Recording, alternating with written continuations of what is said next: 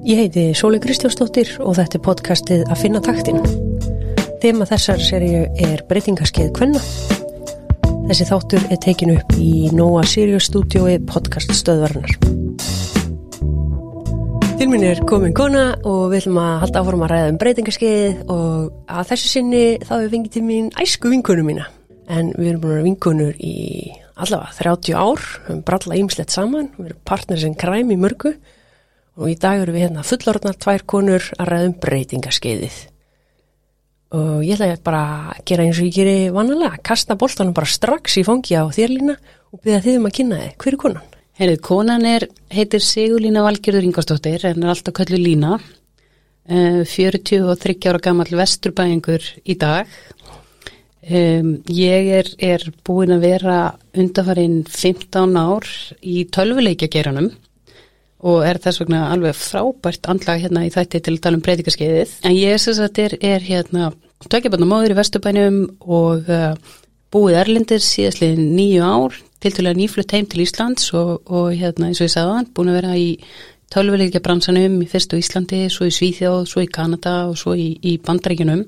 og bara það er búið að vera mjög áhugavert og skemmtilegt og, og hérna áhugavert að það leiði mig hingað í, í podcastum breytingaskeiðið mm -hmm. en eitt af því sem að ég hef verið að skoða eftir þessi 15 ári í tölvuleikibransanum er að, að í, á þessum 15 árum að þá fór ég svolítið svona þá leið að, að komin í tölvuleikibransan og upplifa að, að finnast að tölvuleikir væru eitthvað sem að væri sérstaklega fyrir, fyrir kallmenn og stráka en, en upplifa síðan og skilja að, að það er alls ekki raunin að, að, að tölvuleikurinn er bara miðill eins og hérna eins og bækur og bíómyndir og, og, og tónlist og höfða til alls konar fólks af öllum kynjum og öllum aldrei og svo framvegis. Uh, en það sem ég læriði kannski svolítið í, í þessari vekkferð að ég fór að kynna mig mjög mikið á gögnum og ég fór að velta þér úrslega mikið fyrir mér okkur ég að þetta er svo hugmynd að tölvuleikir væri bara fyrir kallmenn mm -hmm. og það áttaði maður því að flestir sem ég var að vinna með eh, við það að búið til tölvuleiki væri líka kallmenn og áttaði mig kannski svolítið á því að, að hvað sem við búum til eh, að það endur speklar svolítið þá sem að búa það til mm -hmm. og það sem gerðist verður en veru ég var búið til stóran Star Wars tölvuleik uh, hjá EA, Electronic Arts sem að, að margi kannast kannski við og ég var að kynna þennan leik uh, inn á svona innri uh, viðbyrði það sem var verið að kynna þá tölvuleiki sem var verið að búa til og, og ég kynnti minn leik og svo horfði ég á alla hinnuleikina sem ég var að búa til og ég velti fyrir mér Áhverju er EA bara búa til fókbaltaleiki eða íþróttaleiki og skotleiki og kappastusleiki? Og svo leiti ég svona til hliðar og þar satt framkvæmta stjóra teimið sem að tóka ákvörðunum um það hvaða tölvuleikir væri búin til og fjármagnaði þá og matta og svo framvegis. Og þar satt svona hópur sex kallmenn sem voru allir á áþeikum aldri og litu svona til til að svipa út svona svipa hólning á þeim. Og þeir litu allir út fyrir það, þeir væri svona bara eftir þennan fund bent á leðinni að setjast upp í sportbílinn sinn að, að hérna keira á næstu svona Ironman æfingu og ég sagði já, þessum mönnum finnst skotleikir, kapastisleikir og íþróttaleikir ótrúlega spennandi. Og þess vegna búa þeir þá til að því að þeir kannski gera svolítið ráð fyrir því að öllum öðrum finnst það líka. Og það var til þess að ég fór að skoða mjög mikið af gögnum og, og rannsóknum og velta þessu fyrir mér og komst þá að því að, að konur eru, eru tæplega helmingur tölvuleiki spilara í heiminum og spila alls konar tölvuleiki og, og hafa mikið náhuga á þeim. En tölvuleikir hafa kannski ekki endilega endurspeiklað endur spekla það. Þetta er þó að breytast og, og, og þetta er mér sérstætt höðuregni en, en kannski hvernig tengist það breytingaskeiðinu e, það kannski tengist breytingaskeiðinu að því leiti að, að svona þegar ég fór að velta þessu fyrir mér að, að þá áttaði mig á því líka að þetta ætti ekki bara við um tölvuleiki, þetta ætti við um, um ansi margt mm -hmm. og ég las stór skemmtilega bók, áhugaverða bók sem er líka daldi sorgleg sem heitir hérna Invisible Women Exposing Data Bias in a World Designed for Men og í þessari bók að þá kemur höfundurinn með mörg svona skemmtileg og áhugaverð dæmi um það hvernig er mitt við höfum í gegnum tíðina ekkert sapnað og rannsakað gögn rosalega mikið um konur. Og það er mjög margir hlutir í umhverfu okkar sem að, að sko sem endur spekla það. Og hún tekur nokkur áhugaverð dæmi. Til dæmis segir hún að, að almenningssamgöngu kerfi í heiminum að þau eru áhugaverð fyrir þær þá hlutasakir að þau endur spekla mjög oft það að, að þau eru hönnuð af karlmönnum og út frá þeirra kannski reynslu heimi og þekkingu og þegar þú ferð að skoða gögnin, þú ferð að velta fyrir þér í, í bara mismundi borgum í heiminum hvernig ferða minnstur karla og hvenna eru að þá kemur í ljós, ljós að þau eru mismundi. Karlmenn, þeir búa oft í, eða fólk býr oft í útkverfum og sækir vinnu í, í miðborgum og, og karlmenn í mörgum samfélögum eru kannski líkleri til þess að vera vinnandi aðilinn í, í hjónabandinu. Þannig að þeir vakna mótana og taka strætó eða lest neyri miðborg og svo í lókvinnudagsins þá fara þeir heim áttur. Konur hins vegar, þær ferðaminstur þeirra er oft svo kallar ferðakeðjur. Þær fara, kannski vakna mótana, fara með börnin sín í skólan, í, í strætó, svo fara þeir uh, frá skólinum og fara kannski í einhverju búð og sinna erundum og svo aftur heim til sín og svo fara þeir kannski hérna, sækja börnin í skólan og fara með börnin til tannleiknis eða, eða eitthvað í þá veru og fara heim. Þannig að mynstrið er ekki rólíkt og konur sinna líka megninu af ólaunaðri vinnu í heiminum sem að getur verið það að, að sinna heimilinu, sinna börnum, sinna öldruðum ættingum og svo framvegis, svo framvegis. En af því að þessi vinna er ólaunuð að þá eru til mjög lítil gögn um þessa vinnu, hún er lítið rannsöknu og það er kannski lítið, hérna, lítið tekið tillit til hennar. Og þannig að þegar að til dæmis að það var að, hérna, hönnuður í, í almenningssamgöngukerfi á Spáni þegar hún fór að rannsaka þetta og skoða gögnin að þá byrtust þessi ólíku ferðaminstur, þau byrtust mjög ljóslega en almenningssamgöngukerfi tók ekkert tillit til þess og við munum kannski eftir því að fyrir nokkrum árum þá byrtust fréttur um það í svíþjóð að svíja ætlaði að fara að kyngreina hérna, ferðaminstur og, og eitthvað álíka. Á var svolítið svona leið að þessu þetta þótti, þótti skrítið. En þá komum við til ljós að, að hérna, konur eru miklu líklegri til þess að vera úti með, hérna, e, með batnavagna þær þurfa miklu meira á því að halda að, að gangstjættir séu ruttar frekar heldur en götur og, og annars líkt þannig að, að auðvitað er ákvarðanir sem eru teknar út frá einsleitum reynsluheimi að það er valda því að það er ákveðna skekkjur á upplifun okkar í almannaríminu kannski mm og önnur dæmi sem eru, eru áhugaverð eru líka að, að sko staða líkaminn í læknisfræðiransóknum hefur mjög lengi verið 70 kíló kallmaður Einmitt. og það veldur því þá að, að ef að kall og kona fá bæði hjartáfall að þá eru konur líklega til þess að deyja úr hjartáfalli heldur en kallmenn vegna þess að enginni hjartáfalls í konum eru öðruvísi heldur en enginni hjartáfalls í kallum uh mhm. -huh. Þannig að þú veist, ég er ekki að segja að konu séu líklegri til þess að deyja úr hjarta áfalli heldur en kallmenna því það er einhver munur á því hversu líklegt að er að kallar og konur fá hjarta áfall. En ef þau fá það, að þá erum við, sem sagt, við erum ólíklegri til þess að þekka enginni hjá konum og, og geta þá gripið rétt inn í. Uh -huh. Og annar dæmi um þetta eru til dæmis hérna, svo kallar crash test dummies í bílu. Einmitt, bara nýlega frétt um það. Einmitt, þetta fyrsta, fyrsta kvenkins crash, crash test dummyin var búin til. Og, og þetta er, er sko, þetta er svo áhugavert og svo ótrúlega mörguleitu, þetta er, þetta er rúslega frustrerandi. Þetta er frustrerandi fyrir konur eða fyrir alla sem er ekki, ekki sko 70 kilo kallmaður eða staðal kallmaðurinn að, að sko veröldun okkar er svo mikið hönnuð út frá sjónarhóli, kannski þröngum sjónarhóli. Og, og þetta endur speglast líka til dæmis í því að, að ef við horfum á þessa hérna Siri og Alexu og Google og alla þessa svona uh, rattstýrðu hjálparkokka mm -hmm. að þá til dæmis skilja þeir eða þær, því það einhver hlut að vegna heita, heita þessar hjálparkokkar flestir hvernmannsnöfnum að þá eru, eru þær eru líklar til þess að skilja kallmannsrættir heldur en hvernmannsrættir vegna þess að, að gögnin sem að, þær voru, að þau voru þjálfuð á voru í miklu meiri hluta kall, kallmannsrættir og þetta er, finnst mér alveg sérstaklega óþálandi vegna þess að konur tala almennt skýrar og réttar heldur en kallmenn samkvæmt rannsóknum en eiga hins vegar í meiri erfileikum heldur en kallmenn að stýra tækjum með rattstýringu vegna þess að gögnin undir eru bjöguð. Það var einmitt í þetta samengi sem er eftir að vera svona tímabært að skoða því að nú erum við búin að tala svolítið við marga konur um breytingarskeiði og það kemur aftur og aftur upp þessi frustrasjón með okkur vitum við ekki meir um breytingarskeiði og okkur, þú veist, okkur vita almenni læknar, heimilslæknar, ekki meir um þetta, okkur geta þær ekki mætt okkur fyrir, okkur hefur rángreina konur, setja þær í kulnun, uh, með einhvers konar gikt og hérna, jáfnveil bara, þú veist, þunglindi kvíði, uh, sem á svo í rauninni allt rætur sinni að reykja til þess að, hormonastarfsminn er að breytast.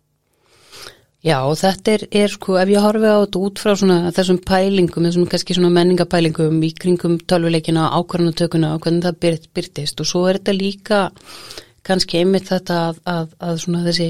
hvenna málefni hafa verið ákveðin tapu Mhm. og ég held að, marga konur kannistu það að, að, hérna, að vera á blæðingum og, og þurfa að hlaupa klósiti til að skipta um dömbindi og vera pukrast með það og, og, og það er einhvern veginn, það er einhvern veginn, já, ok, við höldum þessu í okkar rými, við setjum þetta ekki út í almannarýmið. Já, Og tillit sem við valdi ekki óþægendum fyrir kallmennina í kringum okkur. Eitthvað svoleiðis og, og þú veist, einhver feimni, en þetta er náttúrulega eitthvað sem er, er kannski alið upp í okkur og, og hérna, og mér varst fyndið þegar ég var að vinna, ég var að vinna að búa til töluleikin FIFA í hérna Vancouver í Kanada og þar vann mikið af, af hérna, voru meirluti kallmenn sem voru að vinna þarna en ég minna það voru 1500 manns að vinna þarna og, og hérna nokkur hundru konur sem hluta því og, og í stúdíónu það mátti vera með hunda. Þannig að það var líka mjög mikið hundum á sveðinu og hérna svo er það þannig eitt að, að hérna uh, að ég þarf að fara að skipta um dumbindi, kíkja í skrippurskufuna þar sem ég var alltaf með hérna mitt stas þá er búið, ég hleyp inn á klósett þar sem eru sjálfsalar. Sjálfsinn glifti eina 20 centa peningi minn og, og eða 25 centa peningi minn. Þannig ég hleyp inn á, á hleyp inn í svona hérna byrðageimslu sem eru, eru í mörgum bandarskum fyrirtækjum og svo ferðu sækir þið nammi eða, eða heftara eða prentarapapir eða penna eða liklaborðið eða mís eða, eða hvað sem er. Og ég hleyp þangað inn og, og hérna og þar er, er, er miðaldra maður sem er þar og, og er svona project assistant og ég segi, heyrðu, erstu með dömbindi?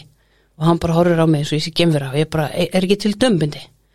Og hann eitthvað svona fyrir eitthvað að róta og ég líti hlið, hérna, líti, líti kringum mig og í hillinu við hliðinu á mér að þar eru til 5 tegundra hundan á mig. En engin dömbindi. Þannig ég gerði nú daldum mikið málur þessum, ég fannst þetta alveg út í hött en, en þetta endur speklaði kannski, kannski umræðina og það leiði ekkit langur tími þangað til að það voru komin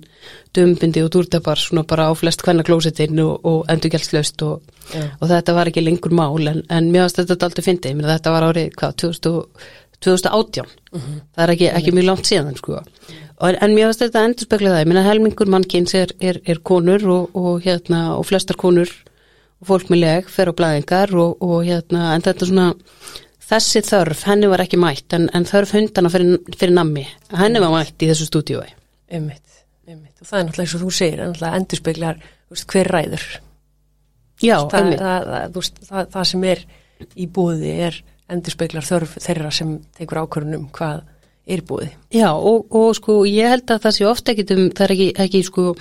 ég held að það sé ekki með, það settist ekki niður og sagði, heyrðu, við ætlum aldrei að rannsaka konur. -hmm. eða við ætlum að, að hérna, við ætlum að útiloka þetta samtal frá almannaríminu en, en að móti kemur að, að sko, þú getur að mörguleiti held ég ekki tjáði mjög mikið um það svo þekkir ekki og það svo upplifur ekki.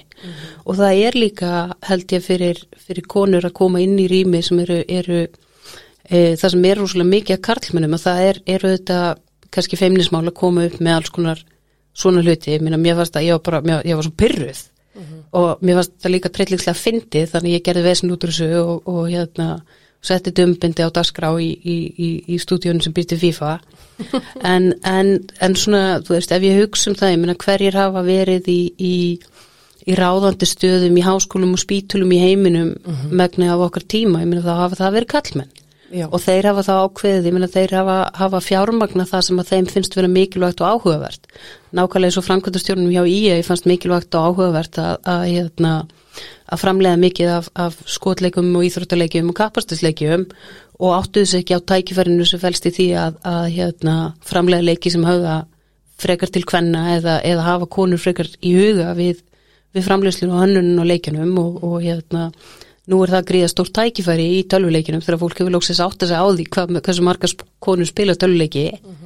Að, hérna, að þá er við held ég líka að upplifa þetta svolítið í, í almannaríminu varðandi eins og bara með breytingaskeiðið og, og hérna og mér finnst nú bara frábært um daginn á degi breytingaskeiðsins að sjá sko alls konar fólk skrifa greinar þessu tilöfni og hvetja til þess að þetta um, þú veist það er því rætt meira um þetta að hugsa meira um hvaða áhrif þetta hefði. En, en ég held að, að að það sé sko, auðvitað er, er sko skýringin er kannski sko einföld og augljós að, að, að þetta hefur ekki verið á dagskrá og, og akkur hefur þetta ekki verið á dasgra og það er því að þetta hefur líka ekki verið í, í sko almanna rýminu og þetta hefur svona kannski, við hefum haft þess að hugmyndum breytingaskeið það sé útrúlega leiðilegt og, og þá verður konur geðvondar og klikkar og, og hérna ekki hægt að tala við þær og, og svo framvegis, svo framvegis en, en hérna en ég held að, að við sjáum þetta líka bara, ég menn í kringum sko bara ímis hugtök sem að, að konur hafa kannski upplifað og rætt sínum milli bara og eins og þetta frábæra hugtak, hrútskýring. Um leið og það verður til þá vita allar konur nákvæmlega um hvað um er rætt. Og ég er svona, ég upplifa ákveðna ákveðna frelsun að, að, að, mörgum sér umræðefni fara úr því að vera bara hvenna umræðefni í litlum hópum yfir það að vera komin núna yfir í starri Facebook-grúpur og komin upp á yfirborði í umræðinni og ég held að þessi, ég held að þú veist, já eins og ég segi, menn ég held að segja okkur svona lógisk skýring á þessu en ég held, svo, held samt sem að vera, við þurfum líka að vera bara sko, emmitt, duglegar að halda umræðinni lifandi og gera kröfur um það að þetta sé sett á dagskrá og að það sé að við séum ekki bara þú veist í þeirri stöðu að 50% hvenna farin í breytingarskeið og bara hafi ekki, eða 50% mannkynns farin í breytingarskeið og einhvern veginn vita ekkert mm -hmm. e, við hverju þeir eiga búast eða hvaða stuðning þar geta fengið eða, eða, mm -hmm. eða einmitt hvernig hérna hvaða áhrif það hefur á þær og, og, og hérna e, hvernig er best að bregðast við því til þess að, að draga úr kannski óþægindum sem uppkunna að koma hjá suminkonum mm -hmm. og svo framvegis og framvegis. Alveg mjög góðu punktur og gott að hafa það í huga, þetta er ekki með vilja gert í rauninni, þetta er kannski bara frekar um þetta ekki átta sig á bara að það eru mál sem að varða helming mannkinn sem að er ekki að fá pláss eða bara er ekki á dagskrá, einfallega vegna þess að kannski það er, það er aðri hlutir sem að þeir sem að ráða dagskráni telja að vera mikilvægri einfallega vegna þess að tengi betur við það. Nákvæmlega. og, og þú veist, eiga auðvöldri með að setja sig í þessi spór ég meina mm. Já, ég held að, að það sem er kannski svolítið mikilvægt í þessu er líka að horfa á þetta að þú hugsaður um sko að þú ætlar að búa til sagt, heilsustefnu eða að þú ætlar að búa til einhverju vöru eða þú ætlar bara í raun og veru hvað sem þú ætlar að búa til. Ef það á að þjóna öllum eins og þú veist, tökum bara samgöngukerfið áðan. Mm -hmm. ef þú ætlar að búa til samgöngukerfið sem þjónar öllum að þá þarftu líka að, að geta hort á gögnum alla og, og hérna, tekið þarfir allra mm -hmm. e, inn í myndina ja. og þá er ekki kannski sagt, þá kann það kannski ekki góðri lukku að stýra að vera með þraungan einsleitan hóp sem tekur ákvörðun um þetta mm -hmm. án þess að hafa þessu gögn þannig að það sem er, er í raun og verið hægt að gera ef við ætlum að, að sko búið til þjóðfélag þar sem við erum að taka tillit til allra og tillit til þarfa allra að þá er þetta þarfir en verið tvent að þarf sko breyðan og fjölbreytan hóp sem kemur að ákvörðuntökunni mm -hmm. Og það þarf líka að sko sakna upplýsingum og gögnum til þess að raukstiðja ákvörðuntökuna mm -hmm. en að byggja ekki bara á tilfinningu og upplifum þessa hóps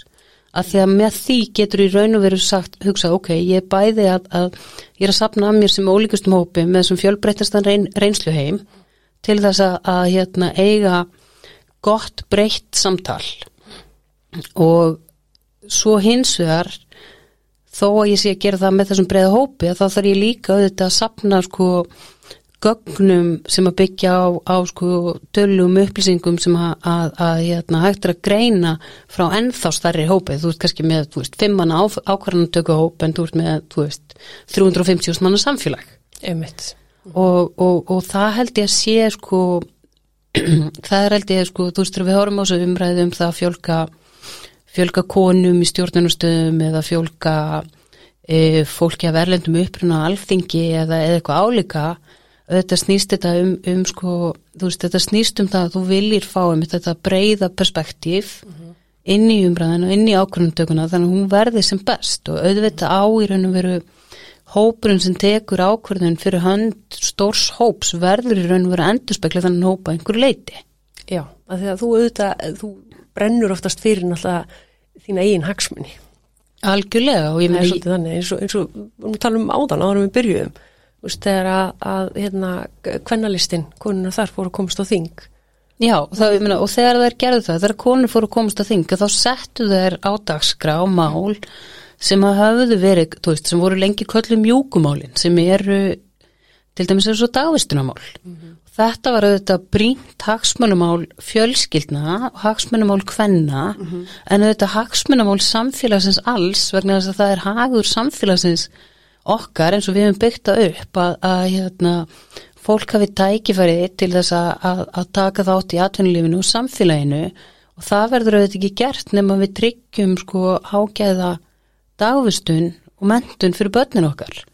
og hérna, og þetta er þetta rosalega stórt jafnbrettsmál og ég meni ég hef búið í samfélögum þar sem að, að hérna, þar sem er ekki aðgangur að e, sem sagt, e, ofinberi daggæslu, bara til dæmis eins og í bandrækjunum, þar sem, að, sem eru opbúslega langt, opbúslega aftalega á merinnið þegar kemur þessu, þar sem að bæði fæðingarólu fóreldra er ekki, það er ekki réttur allar að taka fæðingarólu og bara rétturinn er mjög, þar sem hann er til stað, er mjög takmarkaður, mjög lítill og það sem að dagstunarmáli eru bara algjörlega ábyrð fóreldran sjálfur að borga bara það greiða þau upp í topp. Það er engin kostnæðar þáttöka frá hennu ofnböra sem gerir það verkum og það eru bara mjög miklar átökjufölskyldur mm. sem að hafa tækifæri til þess að, að hérna, borga fyrir e, gæslu fyrir börnu sín sem auðvitað þýðir það að, að, að í bara, sko, byrtingamyndin er svo að, hérna, að konur sem eignast börn í bandaríkinum eru flestar heima fyrstu árbarnana mm -hmm. og taka hitan og þungan af þessu, ekkit endilega vegna þess að velji það, þó margar velji það heldur vegna þess að þær hafa ekkert raunverulegt val mm -hmm. og mm -hmm. þetta skekkir auðvitað samkjöfnustöðu kalla og hvenna á vinnumarkanum gríðarlega Já, og, þa og þarna kemur inn í aftur bara Fólk venst í þá að sjá kallmenn á vinnumarkaðin, fólk venst í að sjá kallmenn í stjórnundastöðum, fólk, fólk venst í að kallmenn taki ákvarnir og fólk venst í og kallmenn venjast í líka að vera í kringum aðra kallmenn. Hverjur á vinnumarkaðin þar aðri kallmenn sem að eiga þá konur sem eru að taka þungan og hitan af bötunum þeirra. Mm -hmm. Og það er svolítið fyndið að því var í, í hérna í hann var að vinna með manni um daginn að ákveðinu verkefni og, og, hérna, og hann hafði sagt, að átti að venjast áður þegar hann hafði unnið sambarlegt verkefni að, að vinna það bara með köllum. Og hérna, við unnum þetta saman og, og hérna, bara mjög skemmtilegt samstarf og hérna, ég nálgæðist að þetta aldrei öðruvísi heldur en að hann, hafði, hann átti að venjast og uppsprötu mjög, mjög skemmtilegar samræður. Og þá sagðan við mig að ég veistu þetta er svolítið þannig að kallar tala bara um kalla við aðra kalla. Og mér finnst þetta bara svo frábær setning. Og, hérna, og, hann, og hann kom með þetta einhvern veginn í svo ótrúlega mikli einlægni og svona og þú veist og einhvern veginn bara svolítið í framölda því að hann hafði átt að segja á því að það væri hægt að nálgast hlutina öðruvísi heldur en hann átt að mm. vennjast og hafði gert það áður og, og fannst það rosalega skemmtilegt og var rosalega opinn fyrir því og við áttum svo ótrúlega skemmtilegt samstarf í kringum þetta en þetta var líka svo heðilegt bara, Já. þú veist þetta var svo frábær frasi og, mm. og það er svolítið þannig að við erum vöna að gera hlutina í, í einslitum hópum og, og fyrir síðan að gera það í fjölbreytum hópum og þá, kemur, þá gerist eitthvað öðruvísi Já. og þá verður útkoman önnur oft skemmtileg. Oft verður hún miklu betri að því hún þjónar eða veist, mætir þá þörfum miklu stærri hóps. Hún gerir það og, og, hérna, og það er líka bara svo áhugavert að, að þú veist að við horfum á þetta bara þú veist hvernig byrstingamindir sko fyrirmynda í umkörunu og, og hérna nú erum við bara hérna konur og fymtusaldri sem að, að fengum upplif, hérna, upplifa það allast upp á Íslandi á nýjönda áratögnum mm -hmm. og hérna og viti svo fórsiti og hérna þannig að allar íslenska konur á okkar, okkar kynslu ólist uppu það að eiga þennan frábæra, frábæra kvenn fórseta og hérna þannig að okkur þótti það eðlilegt að, að hérna konu og fórseti þá getur við allar orðnar, orðið fórsetar og svo ég veit ekki hvort þú ætlar að vera fórseti fyrst og svo ég eða, eða öfut en, en, en, en ef maður horfir á þetta líka og, og þetta hefur verið rannsaka mjög mikið hvað hérna, e, hvað fyrirmynda skiptum miklu máli. Mm -hmm og það til dæmis var alveg ótrúlega áhugavert að, að hérna, ég skoði tölur yfir það að, að í bandregjunum sko á, á eftir árið 2012 að þá jógst áhugi ungra kvenna á bókfimi ótrúlega mikið, þeim bara snar fjölkaði en, en það ár þá kom út bíómyndunar Hunger Games og Brave þar sem eru, eru konur í aðalhuturkum konur í aðalhuturkum sem að skjóta á bóða ja. og þetta var bara svo, var svo frábært að þetta er svo ótrúlega sko, þetta er svo ótrúlega hérna, einfalt dæmi en þetta sýnir svo stert áhrif byrtingamynda mm -hmm. í fjölmjölum mm -hmm. og það skiptur auðvitað miklu máli ekki bara sko, þú veist ákvarðantakun og hópurinn er eitt en það skiptur auðvitað líka bara konur og, og hérna bara fólk mjög miklu máli að það sjáu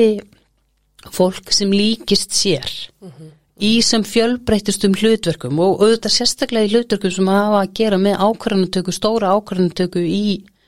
í, bara, í, í bara sem hefur mikil áhrif á líf okkur allra. Að við verðum auðvitað að trúa því að, að hérna, hafa tilfengu fyrir því bæða við getum haft áhrif en að líka að okkar sjónamið séu hérna að þau séu, að það sé einhver sem standi fyrir þau sjónamið og geti kynnt þau á, á hérna uh, á þeim stað þar sem ákvörðunutakan er tekin. Mm -hmm. Þetta er samt svo, að þetta er svo, maður eiginlega, þú veist, ég stend sjálfur með þessu, þú veist, ég spáði aldrei í einhvern veginn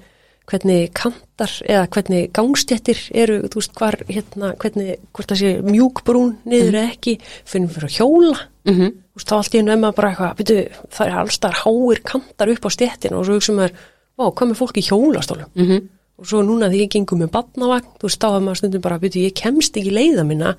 vegna þess að, ég þarf að fara þá og lappa út á, út á götuna Mm og auðvitað spáum maður ekkert í þessu fyrir maður fyrir að nota þetta. Nei. Ef ég hefði hannað, veist, og, og líklegast þeir sem hann þetta og, og láta framkvæmda, þau bara, í, bara allt í góðri trú um það að það sé að mæta þörfum fólksins sem er að fara að nota þetta. Mhm. Og þess vegna er líka svolítið skakt að, að sko, svolítið skakt að, að, að þú veist, auðvitað getur maður sko ekki komið sjónamiðum og framfæri út frá reynslu sem maður hefur ekki. Bara, og, og það er kannski, fyrst, fyrsta sem þarf að gerast er fólk þarf kannski að gangast við þessu. Já. veist, að gefa sér ekki bara, nei, ég get tekið tillit til allara sjónamiða. Það getur það enginn í rauninni. Nei, alls ekki og, og þú veist að það er svolítið fyndið, þú veist þetta byrtist í alls konar hlutum, þetta er til dæmis þegar að hérna iPhone símanir fóru stækka. Mm. Þeir voru fyrst ákveðni stærð og svo hérna kom svona tímbil þar sem voru alltaf að stækka og stækka og stækka og nú erum við með yfirlt svona nokkra stærðir í bóði af hverjum síma. En þá til dæmis kemur í ljós að, að hérna stærstu símanir þeir eru sko hannaðir þannig að þú getur nota, átt að geta nota og bara haldið á þeim og nota á mennar hendur og nota þumalinn. En stærstu símanir, þeir til dæmis virka ekki, konur geta ekki nota þá þegar þær eru með, Minni hendur. með minni hendur. Og þú veist, og það einhvern veginn kemur síðan ekki til ljós fyrir en að, að hérna, sá símið kominu marka og konur farnar kvalt yfir svo, það kemur alltaf í ljós, já, nei, heyrðu, við vorum bara ekki með, við vorum, það voru bara kallmenn í þessu teimi sem voru að prófa þetta. Einmitt. Þeir lent aldrei í þessu, Nei. þannig að þeim dætt ekki huga þetta væri, Já, og svo, og svo ég meina að hugsa maður líka, ég meina, ég, ég kaupir enda buksur sem eru sniðinar á kallmenn, þannig ég er með góða vasa, ég geim alltaf símum minn í vasan, en ég meina, svo kaupir hérna, buksur sem eru sniðinar á konur og þá er bara einhver hálfur vasi, þú veist hvað, akkur getið ekki splæst í smá, bara heilan vasa. já, nei, nákvæmlega. Þá eru konur að geima, og ef maður spáður í því, mjög marga konur geima iPhone-u sína eða gemsana sína í rassvasan. Mm Ég er bara alltaf að smetla núna. Já, nákvæmlega, en, en þú veist, en það í þessu fela náttúrulega, sko, ég er svona, uh, dálítið glasið er hálf fullt manneskja. Ég sé alveg ótrúlega mikið tækifæri í þessu. Ég sé, sko, ég upplifu ótrúlega mikla frelsun á því að, að við séum á þessum stað að umræðan sé komin í gang. Og ég sé öll þessi tækifæri til þess að sinna þörfum ólíkra hópa miklu, miklu betur vegna þess að við getum ekki sagt dag, heyrðu, við vitum ekki okkur þetta er og við vitum ekki, hérna, og við vitum ekki að þessu, nú vitum við bara að það er, er hérna, það er fullt af dæmum í, í okkar daglega lífi þar sem er ekki verið að mæta þörfum alls konar fólks, en við vitum líka að við getum safna gögnum og við vitum líka að við getum kalla til hérna ólíka hópa. Þannig að ég held að það sé, að sé brjálæslega mikið tækifæri, ég held að sé þetta fullt af, af nú er hægt að fara sko, ef maður ætlar að vera að setja á sig hérna kapitalista hattinn Nú er sko aldils að fara að selja konum alls konar þjónustu í kringum breytingarskeiðið og markasetja hana í almanna rýminu án þess að, að hérna, Það er náttúrulega að vera að gera það. Já, það náttúrulega er að gerast Ég meina, að, að, að bæti efna úrvalið fyrir konur á breytingarskeið þú veist, maður, eh, konur verða rugglar á því að- fara að kynna sér það sko. nákvæmlega sko, nú sá ég bara um daginn að heilsugjæslan er búin að setja í gang námskeið á heilsugjæslanu fyrir konur um breytingarskeið Já, ég er bara einmitt að drífa mig á það námskeið. Já. þú segir mér hvernig það verður. Og hérna, og ég menna það er komin eh, hjá okkur, það er komin þessi nýja stofa Gina Medica og, og hérna, og ég er bara eina af örgulega mörgum konur sem er þar á bygglista að, að er frábært að ég geti farið og leita til stöðvar sem að það er bara, þörfinni svo mikil að það eru mörg hundru konur á byðlista einmitt og hérna, og ég meina í þessu félagast það félagast sko viðskiptatækifæri Mhm. félagast tækifæri því að veita betri þjónustu og hérna og þetta áður við um, um, um rúslega margt. Þannig að og hérna og við um auðvöld með að safna gögnum í gegnum uh, öll þessi snjalltæki og, og þessi heilsu úr og svo framvegis, svo framvegis, svo framvegis. Þannig að ég held að, að hérna, sem samfélag séum við kannski bara svolítið að vakna upp í það að, að, hérna, að það er bara óplæður akkur víða þar sem að, að hérna, þar sem við höfum svolítið verið kannski Dalt eins og ég var þegar ég var að, byrja í töluleiki bransunum. Vi, við sko lifum mér þeirri ránkugmynd að, að hérna, eitthvað hafðu bara til kalla og sé bara hann að vera kallmenn og, og, og sé ekki fyrir aðra. Mm -hmm. Svo er bara fullt af öðru fólki sem hefur áhuga á þessu og það er bara mjög mikil tækifæri í því að búa til vörur og þjónustu, tölvuleiki sem að, að, að taka sérstaklega spilin á minnstu kvenna og, og áhuga svið kvenna frekar inn, ekki það, ég menna konur spila fullt af tölvuleikim sem hafa verið búin til á köllum fyrir kalla og, og finnst þeir skemmtilegir Mhm. -huh. en, hérna, en ég held að bara það séu tækifæri í þessu, ég held að, að, viðskiptaöflin átti sig á því og, og muni koma fram með, með fullt af þjónustu, ég held að, að kannski svona okkar hlutverk sem hvernig sé svolítið að, að hérna, veita aðhald og kalla eftir því að, að, að þjónustu, heilbreyðstjónustu við konur sé sint almennilega, við sáum það náttúrulega hvernig þetta var þegar að hérna, með þessi krabba minn síni sem að, að þeirra, þeirra einhvern veginn að, að hérna, þjónusta krabba minns hérna, krabba minns skeinmun og, og, og, og greining á sínum fór í algjörun ólestur, það er auðvitað alveg bara út í hött á okkur konum sem bóðið upp á þetta að þetta sé ekki bara allt upp á tíu en líka bara það að, að, hérna, að það sé bara á, á, hérna, á aðeistu stöðum og það sem er verið að taka ákvörðunir um, um heilsu helmingsmannkins að það sé bara gert almennilega mm -hmm. það sé bara sett fjármagn í þessar rannsóknir og, og þessari heilbyrðstjónustu sé bara sint vel Já. samfélaginu öllu og bara þjófélaginu öllu til heila Já, og við sjáum það sérstaklega út frá bara sem að er að koma núna svolítið í ljós og upp á auðuborðið að einmitt marga konur sem detta að snemma út af atvinnumarkaðinum fyrir þeir ætti að vera að gera uh, kringum 50 einfallega vegna þess að það eru með ómeðhundlað, ómeðhundlið enginni breytingarskeiðs þannig að ég myndi, ég myndi okkur bara kostnaðin fyrir samfélagið. Vist, og álægið bara á líka bara aðstöndur þessara kvenna. Að þær þurfa að fara í gegnum þessar einslu það er erfitt að detta svona út af vinnumarkaðan þegar þú ert ekki tilbúin til þess. Mikið álag sem fylgir því en það er líka, ég hugsa, bara, bara það að ég myndi að taka umræðina og svolítið að við kannski líka sem konur úst, finnum okkur í þessari umræði að því ég mann sko hánlega heima hjá þér, Lína, sem að að ég kom eftir að hlusta á, á hana þátt sem veitti mér innblástur um og ég uppgöt um að tala um breytingarskeið og að því ég uppgötaði einn fordóma. Kom ég hundi þín og, og hitti sammeila vinkun okkar og, rautum breytingarskeið þarna í einhverja klukkutíma og bara, og bara, bara þessi vakning um bara, bara tölum um breytingarskeið það er ekki bara hræðilegt. Nei, nákvæmlega. Og ég, þú veist, ég tengi við það og ég meni, ég tengi líka, ég bara hugsa að já, ég fari í podcast og tala um breytingarskeið, ég er hérna út um allt eitthvað að reyna að láta taka mig alvarlega í atvinnlífinu og ég á því sem koma að tala um breytingarskeið, en svo ég, já, auðvita mm -hmm. vegna þess að, að þetta er auðvita hérna, það bara, þú veist, fyrir, fyrir það fyrsta þá er þetta stórt heilbreyðismál mm -hmm. skiptimáli að, að auðvitað skiptimáli fyrir alla konur að, að hérna, þessu vel upplýstar og, og hérna geti tekið skinsamlegar ákvarðinir og, og það er auðvitað mjög mismundi fyrir hverja konu hvað virkar og, og hversu hérna, hvernig, hérna, hvernig áhrifin eru það er eitt en, en, en svo líka með þetta bara þú veist hvernig, hvernig kemur hlutum inn í, í almanumræðin með því að tala um þá. Mm -hmm. og það er ótrúlega skemmtilegt en ég meni ég hef auðvitað líka sko upplifað einmitt þessa, þessa for, fordóma þessar svona ránkugmyndir eitthvað svona já þetta er eitthvað sem maður talar ekki um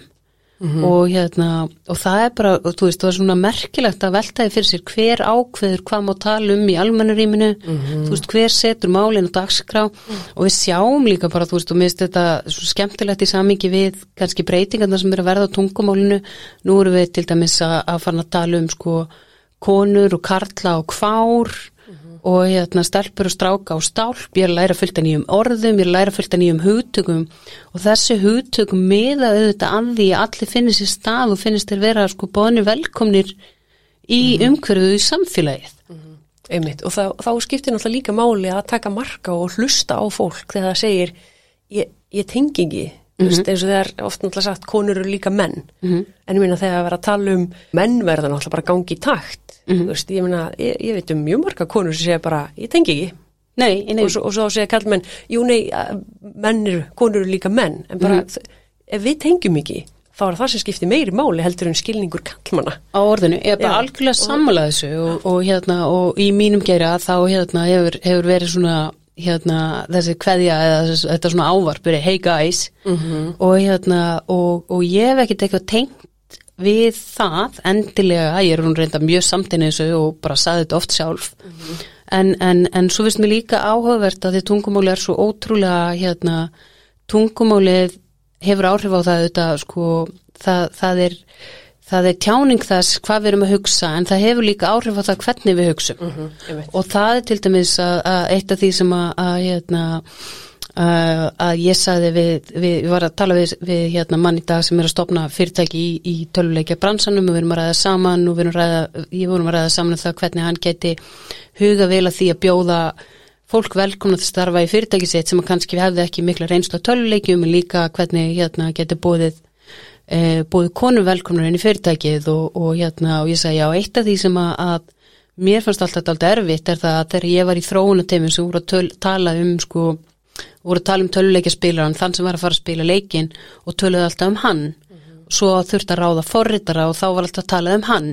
Þannig að það endur speklegaðist alltaf í tungumálinu að, að, að teimið þarna gerði ráð fyrir því að, að þeir sem væri að spila leikin væri allt kallmenn eða staðal töluleikjaspilarinn væri kallmaður og staðal töluleikjagerðarmaðurinn væri líka kallmaður og auðvitað gerða það að verkum að, að hérna, þegar ég er í samtalenu sem kona ég nenni ekki alltaf rétt um hönd og segja já eða, eða hún. Já. e, e, eða hún. En, en auðvitað er þetta svona þú veist þetta mun tala stundum um svona death by a thousand paper cuts. Að þú ert alltaf að fá þau skilabóður umhverfunu að þú sért öðruvísi að þú sért einhvern veginn það sé ekki gert ráð fyrir þér þá, þá tekur það inn á þig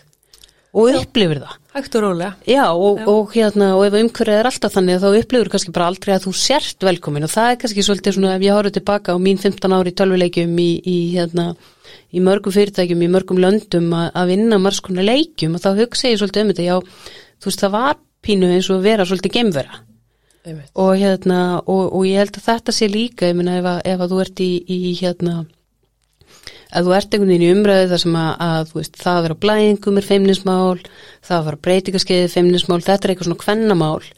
að, að, hérna, að þá sem er ok, ákvöru ættu, þú veist, í fyrsta lega ákvöru ættu kallið minn að vita eitthvað um þetta og, og ákvöru ættu þeim að vera, sko, ákvöru ættu þeim ekki að vera sama, þú veist, ákvöru ættu þeir ekki að upplifa, heyrðu, þetta skiptir mig einhver máli, þetta er bara eitthvað sem konur eru að díla við. En svo þegar þú hugsa alltaf bara nei, ok, við, og þú veist, og Haldur Benjamin skrifaði grein daginn, formaði samtaka hérna atvinnlífsins, skrifaði grein í, í tilumni hérna í, tilumni dask breytingarskeisins og, og hérna var að tala um það hvað, hversu sko, mikil áhrif þetta hefði á vinnumarkaðin og þetta tekið í stort samhengi og, og hérna og mér finnst þetta svona, mér finnst þetta skemmtilegt ég svona rak svolítið upp stóru augu og mér finnst þetta hérna, þú veist, það komið pínur spánst fyrir sjónir en, en, en mér finnst þetta líka mjög skemmtilegt að, að hann tæki þetta upp á þessu vettfangi þannig að vera kallmaður og skrifa um þetta og skrifa um þú veist, ég, hvað kallum við þetta, svona hagræn áhrif breytingarskeiðsins á samfélagið. En auðvitað er gott að horfa hlutina í, í einmitt þessu stóra samingi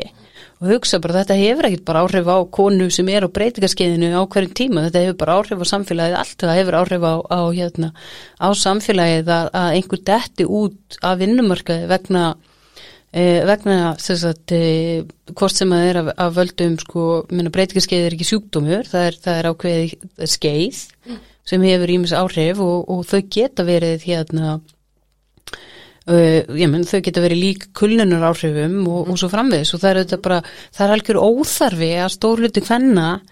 fari í gegnum uh, breytingarskeiðið verði fyrir alls konar áhrifum sem hægt er að meðhandla en hafi ekki upplýsingar um hvernig á meðhandla þau. Og hérna, og dætt út á vinnumarka það er bara, þú veist, það er, það er rosalega dablögt Já, og eins og segir, það er algjörlega óþarfi.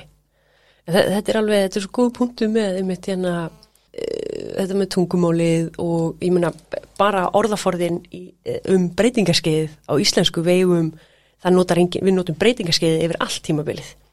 Á ennsku heitir þetta perimenopause, hérna, menopause og, og eh, premenopause og svo menopause og svo eh, postmenopause. Og íslensku heitir það bara breytingarskeiðið. Við segjum aldrei fyrir breytingarskeiðs tímabilið. Nei, við eigum ekki og það er einmitt að það, þegar við eigum ekki orð fyrir eitthvað Já. Að þá er svo erfitt að ræða það. Bara eins og við vorum að tala um hrútskýringu á það það þegar, það, þú veist, þegar þetta orð kemur fram að það, að það nær svo þá allt í hennu kemur eitthvað sko hugtöku utanum eitthvað sem væri hægt að þyrst alltaf að útskýra í löngum máli. Þarna eignast það heiti og þá er hægt að tala um það. Já. og því fleiri heiti sem við eigum um hlutu því betur sem við getum svona farið í blæbreiðinu og, og, og hérna og, og svona talað um það og meiri nákvæmni því meiri og dýpri verður skilningurinn. Og þess vegna er þetta mikilvægt að, að, að þetta komist í umræðinu og við erum mitt áttum okkur á því ég mitt hvað er hver er munurinn á perimenopós og prímenopós og menopós og postmenopós og, og, og svo framvegis og svo framvegis. Einmitt. En það er líka einmitt þetta með, hérna, þannig við förum uh, aftur á í bara, þú veist, þegar við tala að segja hey guys, þetta er svo ótrúlega algengt. Hey guys, hey krakkar, við erum fullorðna konur, þannig við getum ekki sagt lengur hey krakkar. Stelpur. Já, stelpur, hérna ég var að spá. Strákar, en það er einhvern veginn ok, en allavega, uh, í bókinni sem að þú varst að minnast á áðan, Invisible Women, sem þú einmitt kynnti mig fyrir líka og, og opnaði svona augum mín, fyrir þetta, hvernig konur eru ekki partur af almannaríminu, þá einmitt byrjar hún á að ræða um uh, hvernig fólk gerir alltaf ráð fyrir að einhver sé kallkins til að byrja með. mm Og það er svo ótrúlega skemmtilegt að ég er búin að hugsa um þetta síðan að það var einhver töluleikur og þá, voru, þá var kona sem var einn e, karakterinn og kallmannunum fyrst alveg ógeðslega pyrrandi að þessi kona væri hana en að þeir bara hugsaðu bara ég get ekkert samsum með þessa konu. En þeir aftur á móti samsum með við eitthvað svona bláan fuggl sem var í mannslíki þeir varst eð, eðlilega samsum með við þá típu heldur en við konu. Og að því allir gefa sér einhvern veginn að þessi típa sé kallkins og eftir ég lustaði eða sérst var svona eh, um þetta núna þegar á litlu dóttu mína sem er bara sköllótt og er bara, þú veist, við klæðum hann ekkit eitthvað sérstaklega í bleikföt, við klæðum hann bara í sæt og þægileg og, og bara mjög smart barnaföt, Mjög smart. Mjög smart.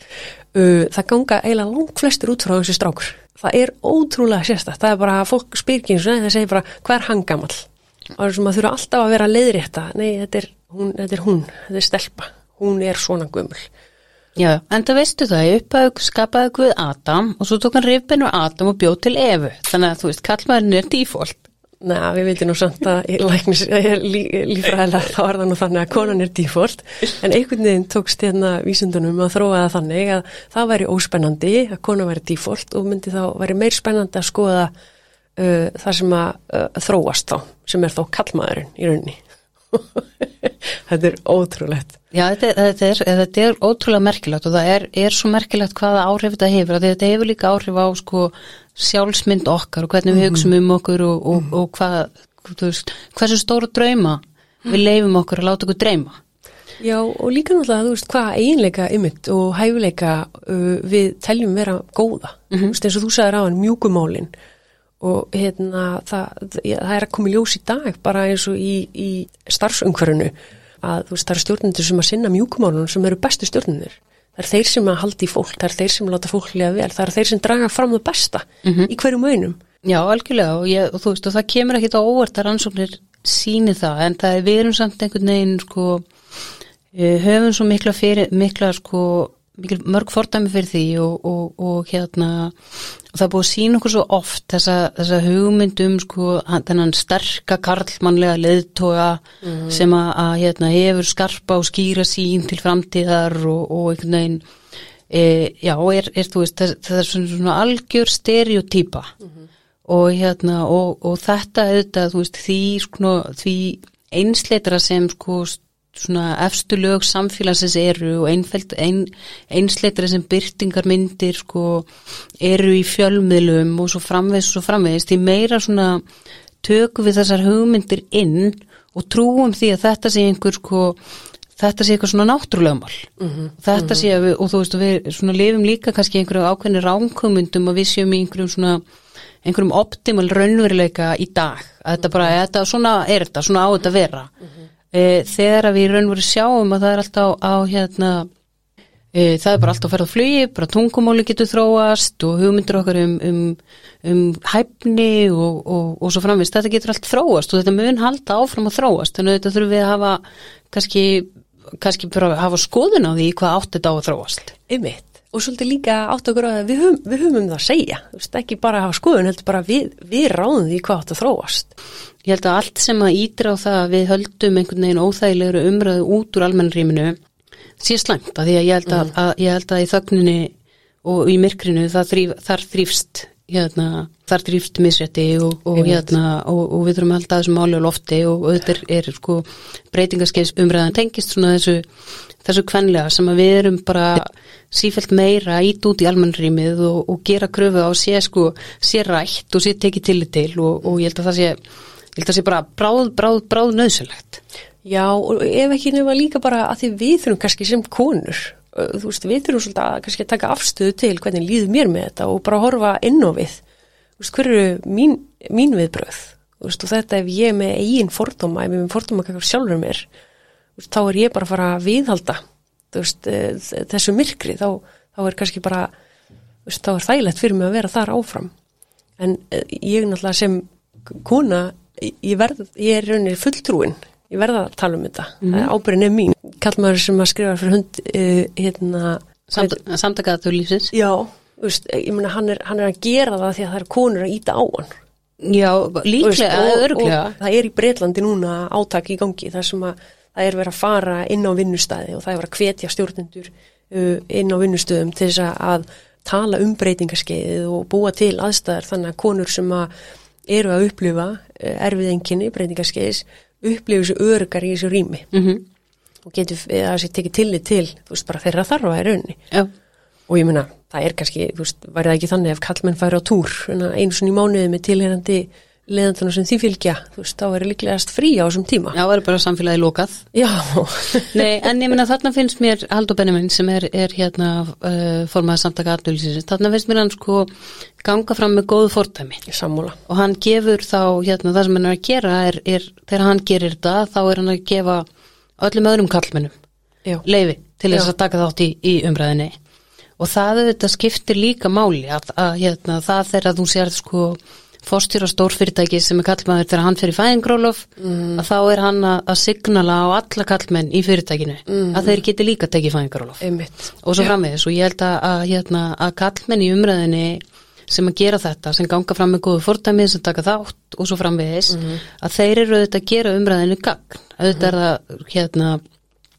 auðvitað er það líka pyrjandið meira margtöki á kallmanni að tala um eitthvað sem að, að, hérna, sem að tengist konum heldur en þegar konum gera það. En, en, hérna, en ég held við erum bara að horfa á umræðina sko mjög heildstætt í þessu samingi og, og, hérna, og vera einmitt sko já, bara þú veist, kalla eftir þáttöku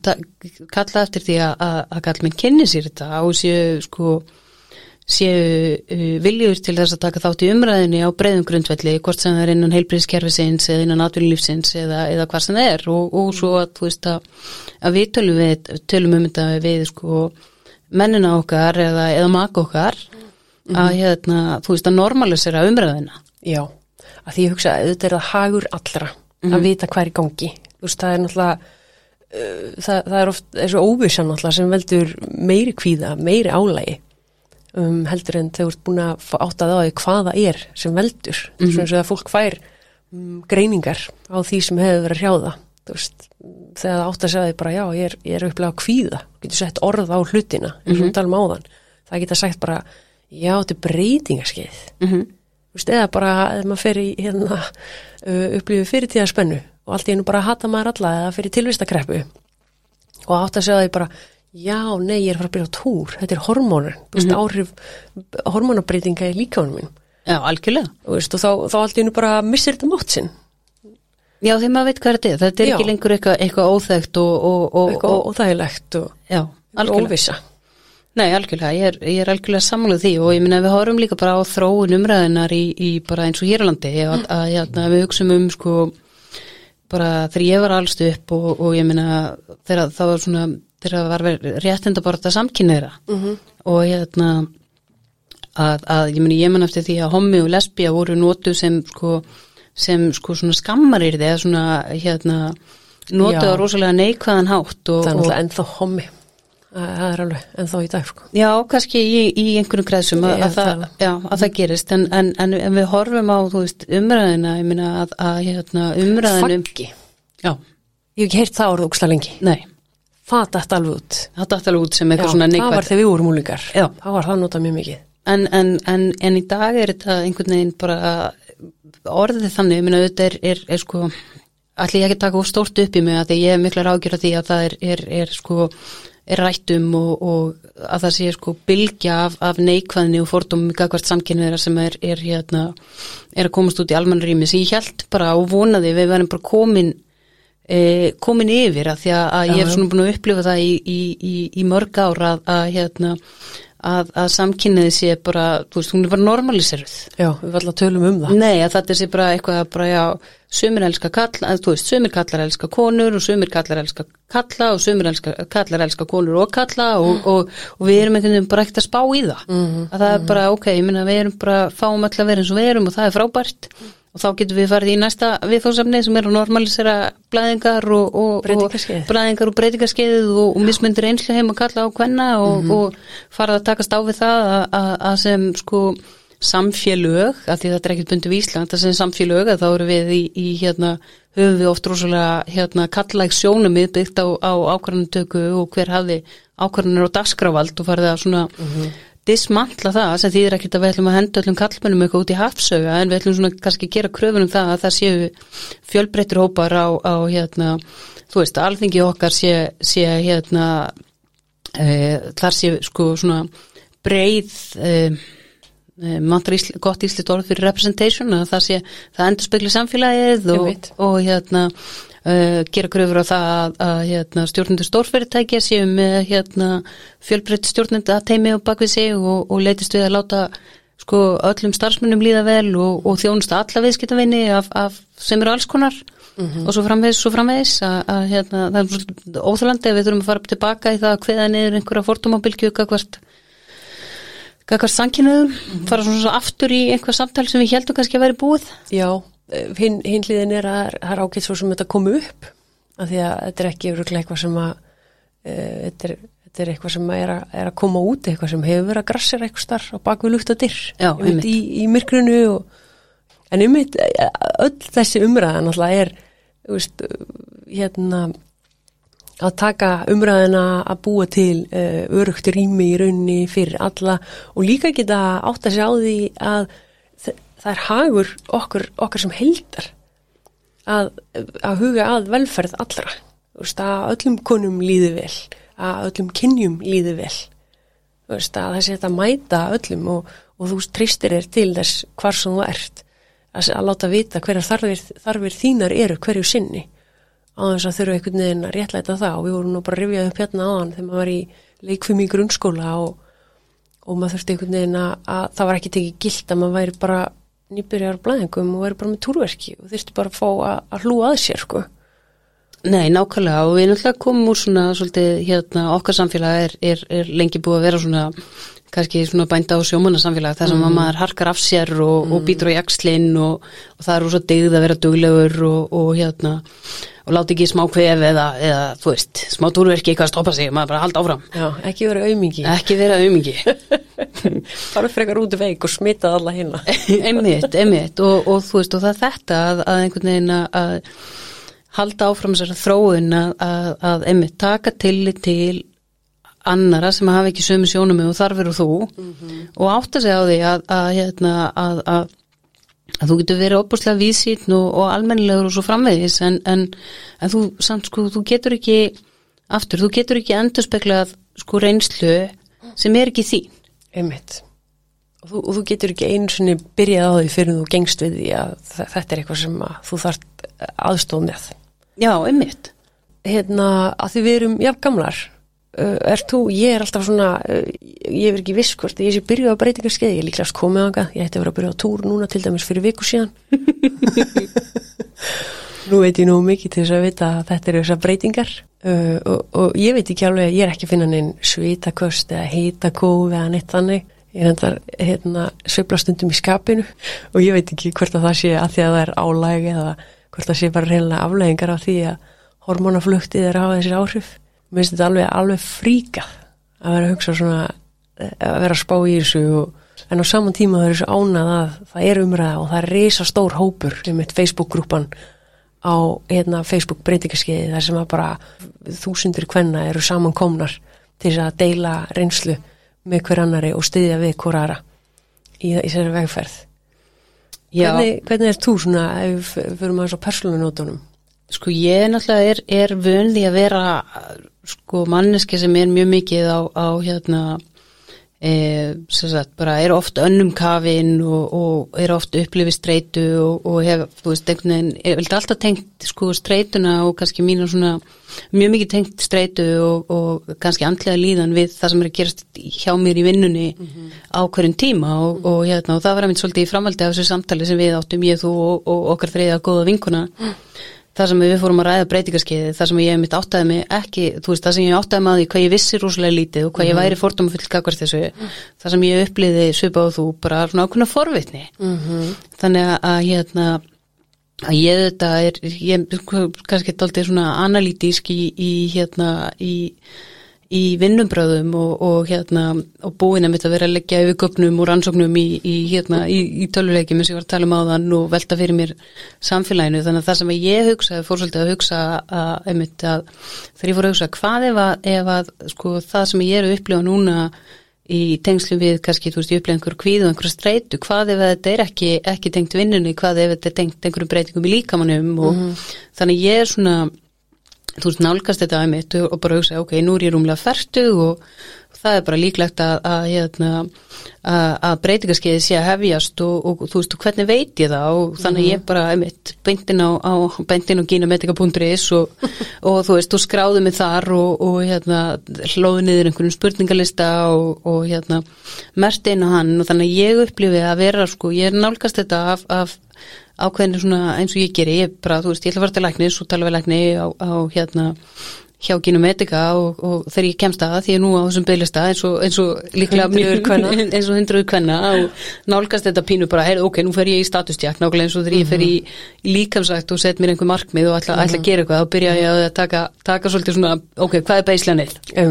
Já. og þannig ég er svolítið þar, ég er svolítið að nálgast þetta af, af, af forvitni og, og hérna og einmitt og, og kannski líka bara einmitt að kenna mér þetta og, og hérna hlusta þáttinn þinn og, og lesa efnum þetta og te, þú veist og er í grúpunni og er, að- er að fylgjast með og, og er svona finna allavega að ég er búin að svona skiptum við þú skakast þessu frá því að vera eitthvað bara að þetta er eitthvað svona tabú og, og hérna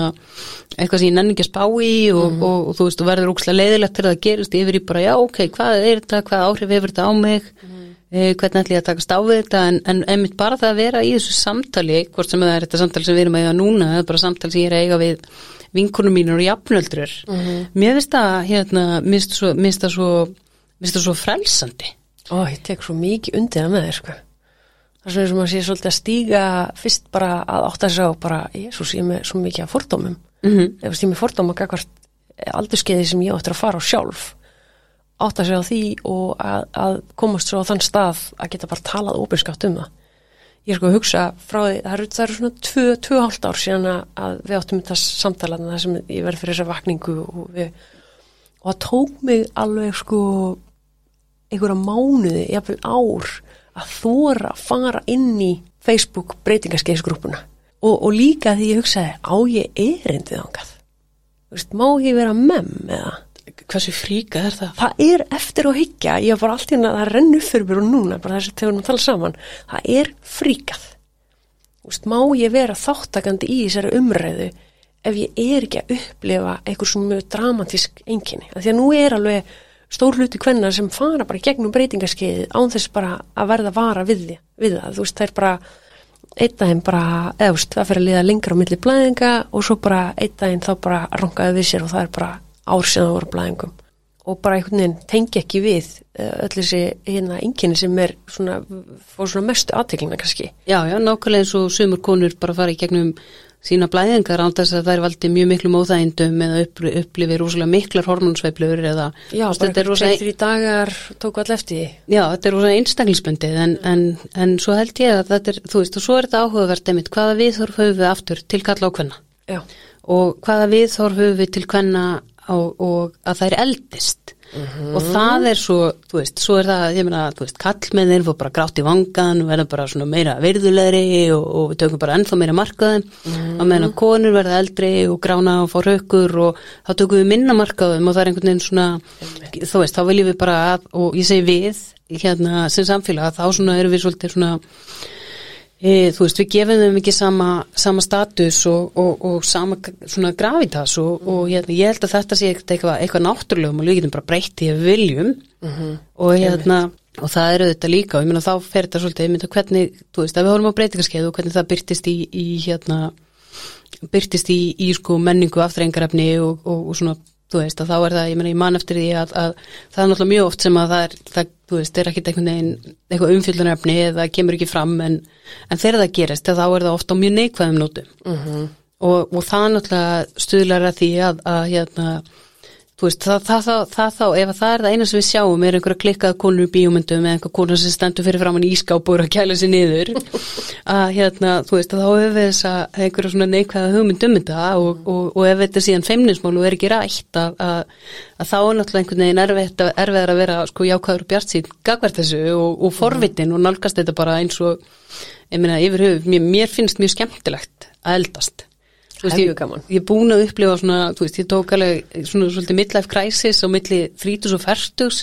og svo svona tók ég svona bara, bara vákvæðir einhvern veginn skemmtilegt, ég upplifa einhvern veginn, ég upplifa me, meira svona e, meiri sjálfströst og meira sjálfs, svona sáttari einhvern veginn í eigin skinni og mér finnst þetta ótrúlega skemmtilegt og, og mér finnst ég svona kannski vera bara eftir því sem ég eldist að þú veist að bara safna, hef ég safnað fyllt af reynslu í reynslubankan og ég hef svona dýbra einhvern veginn perspektíf og meira sjálfströst í skoðunum mínum og, og svona bara já, mér finnst þetta skemmtilegt og, og hérna og ég ætla nálgast breytingaskeið út frá því að mér finnst þetta bara skemmtilegt og áhugavert og, og hérna og þú veist, en ég vilji líka sína sjálfur mér ákveðna svona ákveðna mildi og, og hérna einhvern veginn ekki er verið að reyna þú veist, harka af mér ef ég fer að upplifa einhver enginni sem eru, eru óþægilega heldur frekar, ég reyni þá áttam á því hvers vegna þau eru og hvað ég get gert til að draga úr óþægindum og, og hérna, þú veist, hafa líka bara svolítið húmor fyrir þessu Já, ég hugsa líka, þú veist, bara það maður viti hlutina, þú veist, viti hverju vonir á, þú veist, þá er það ekki áfall, þá er það ekki, þú veist, og verður ekki íþingjandi. Ég var sko að hugsa að því um daginn í vinnuna þá upplýði ég, ég var eitthvað óörg í aðstæðum sem er ekki óörg í vennilega, bara alls ekki. Og, og ég, ég eitthvað svona var að bera mig saman við samstarfsmann, eða, já, samstarfsfélagi minn sem er kallmaður og hann var rosa örgur. Og ég þurfti alveg svona heilan sólaring til að, að melda bara, byrju, ég veit rosalega mikið um þetta, akkur er ég óörg? Og, og þá hugsaði, já, það getur verið bara að því að estrogenmagni er mjög lágt akkurat núna, að þá er ég eitthvað lítið í mér. Og bara það aftur, klukk Já. það breyti einhverju og ég mætti aftur til leiks og var bara, herru, ég er bara búin að átta mig á hvernig ég vil gera það. Já, nákvæmlega. Og þú veist og það er, já, ég held að þetta skipti útrúlega miklu máli með það vera og þú veist og þá er það líka bara kannski svolítið að vera hvað er mikilvægt að vera einhvern veginn bara svolítið í tengslu með sjálfan sig Já, einmitt. Hún sagði það einmitt hérna Hanna Lilja, eh, læknir sem var stofnað um genometika, hún sagði bara eh, veist, þekkja, að konur eiga að þekkja tíðaringin sinn, veist, þekkja þar lendi sjálfan sig og, og vita hverju, veist, hvernig það er virka hvernig er baselineið, eins og þú sagði ráðan Alright, en ég tek undir með þér líka, það er gaman að vera meðaldra, það er gaman að byggja á að geta staðið á svolítið góðum grunni og fyrir að hlæja á miðjum aldri. Á miðjum aldrei á miðjum aldrei, það er gaman að vera með hann allan, alla þessa reynslu og já, geta, veist, maður stendur á ykkur Já, algjörlega, ég er svona, ég er að reyna að sjá fyrir mér hérna sólegu línu fyrir 30 árum að- að að- að svona, þú veist, hvernig það hefði tekið að vera að geta hlusta á þetta samtal. Við höfum alltaf bara grenjað um hlátri sko. Og svo er ekki alltaf að vera eitthvað vitni í það. Er ekki að sjálfa sig Já, nákvæmlega. Herri Lína, takk fyrir að koma og spjallaði mig. Það eru bara,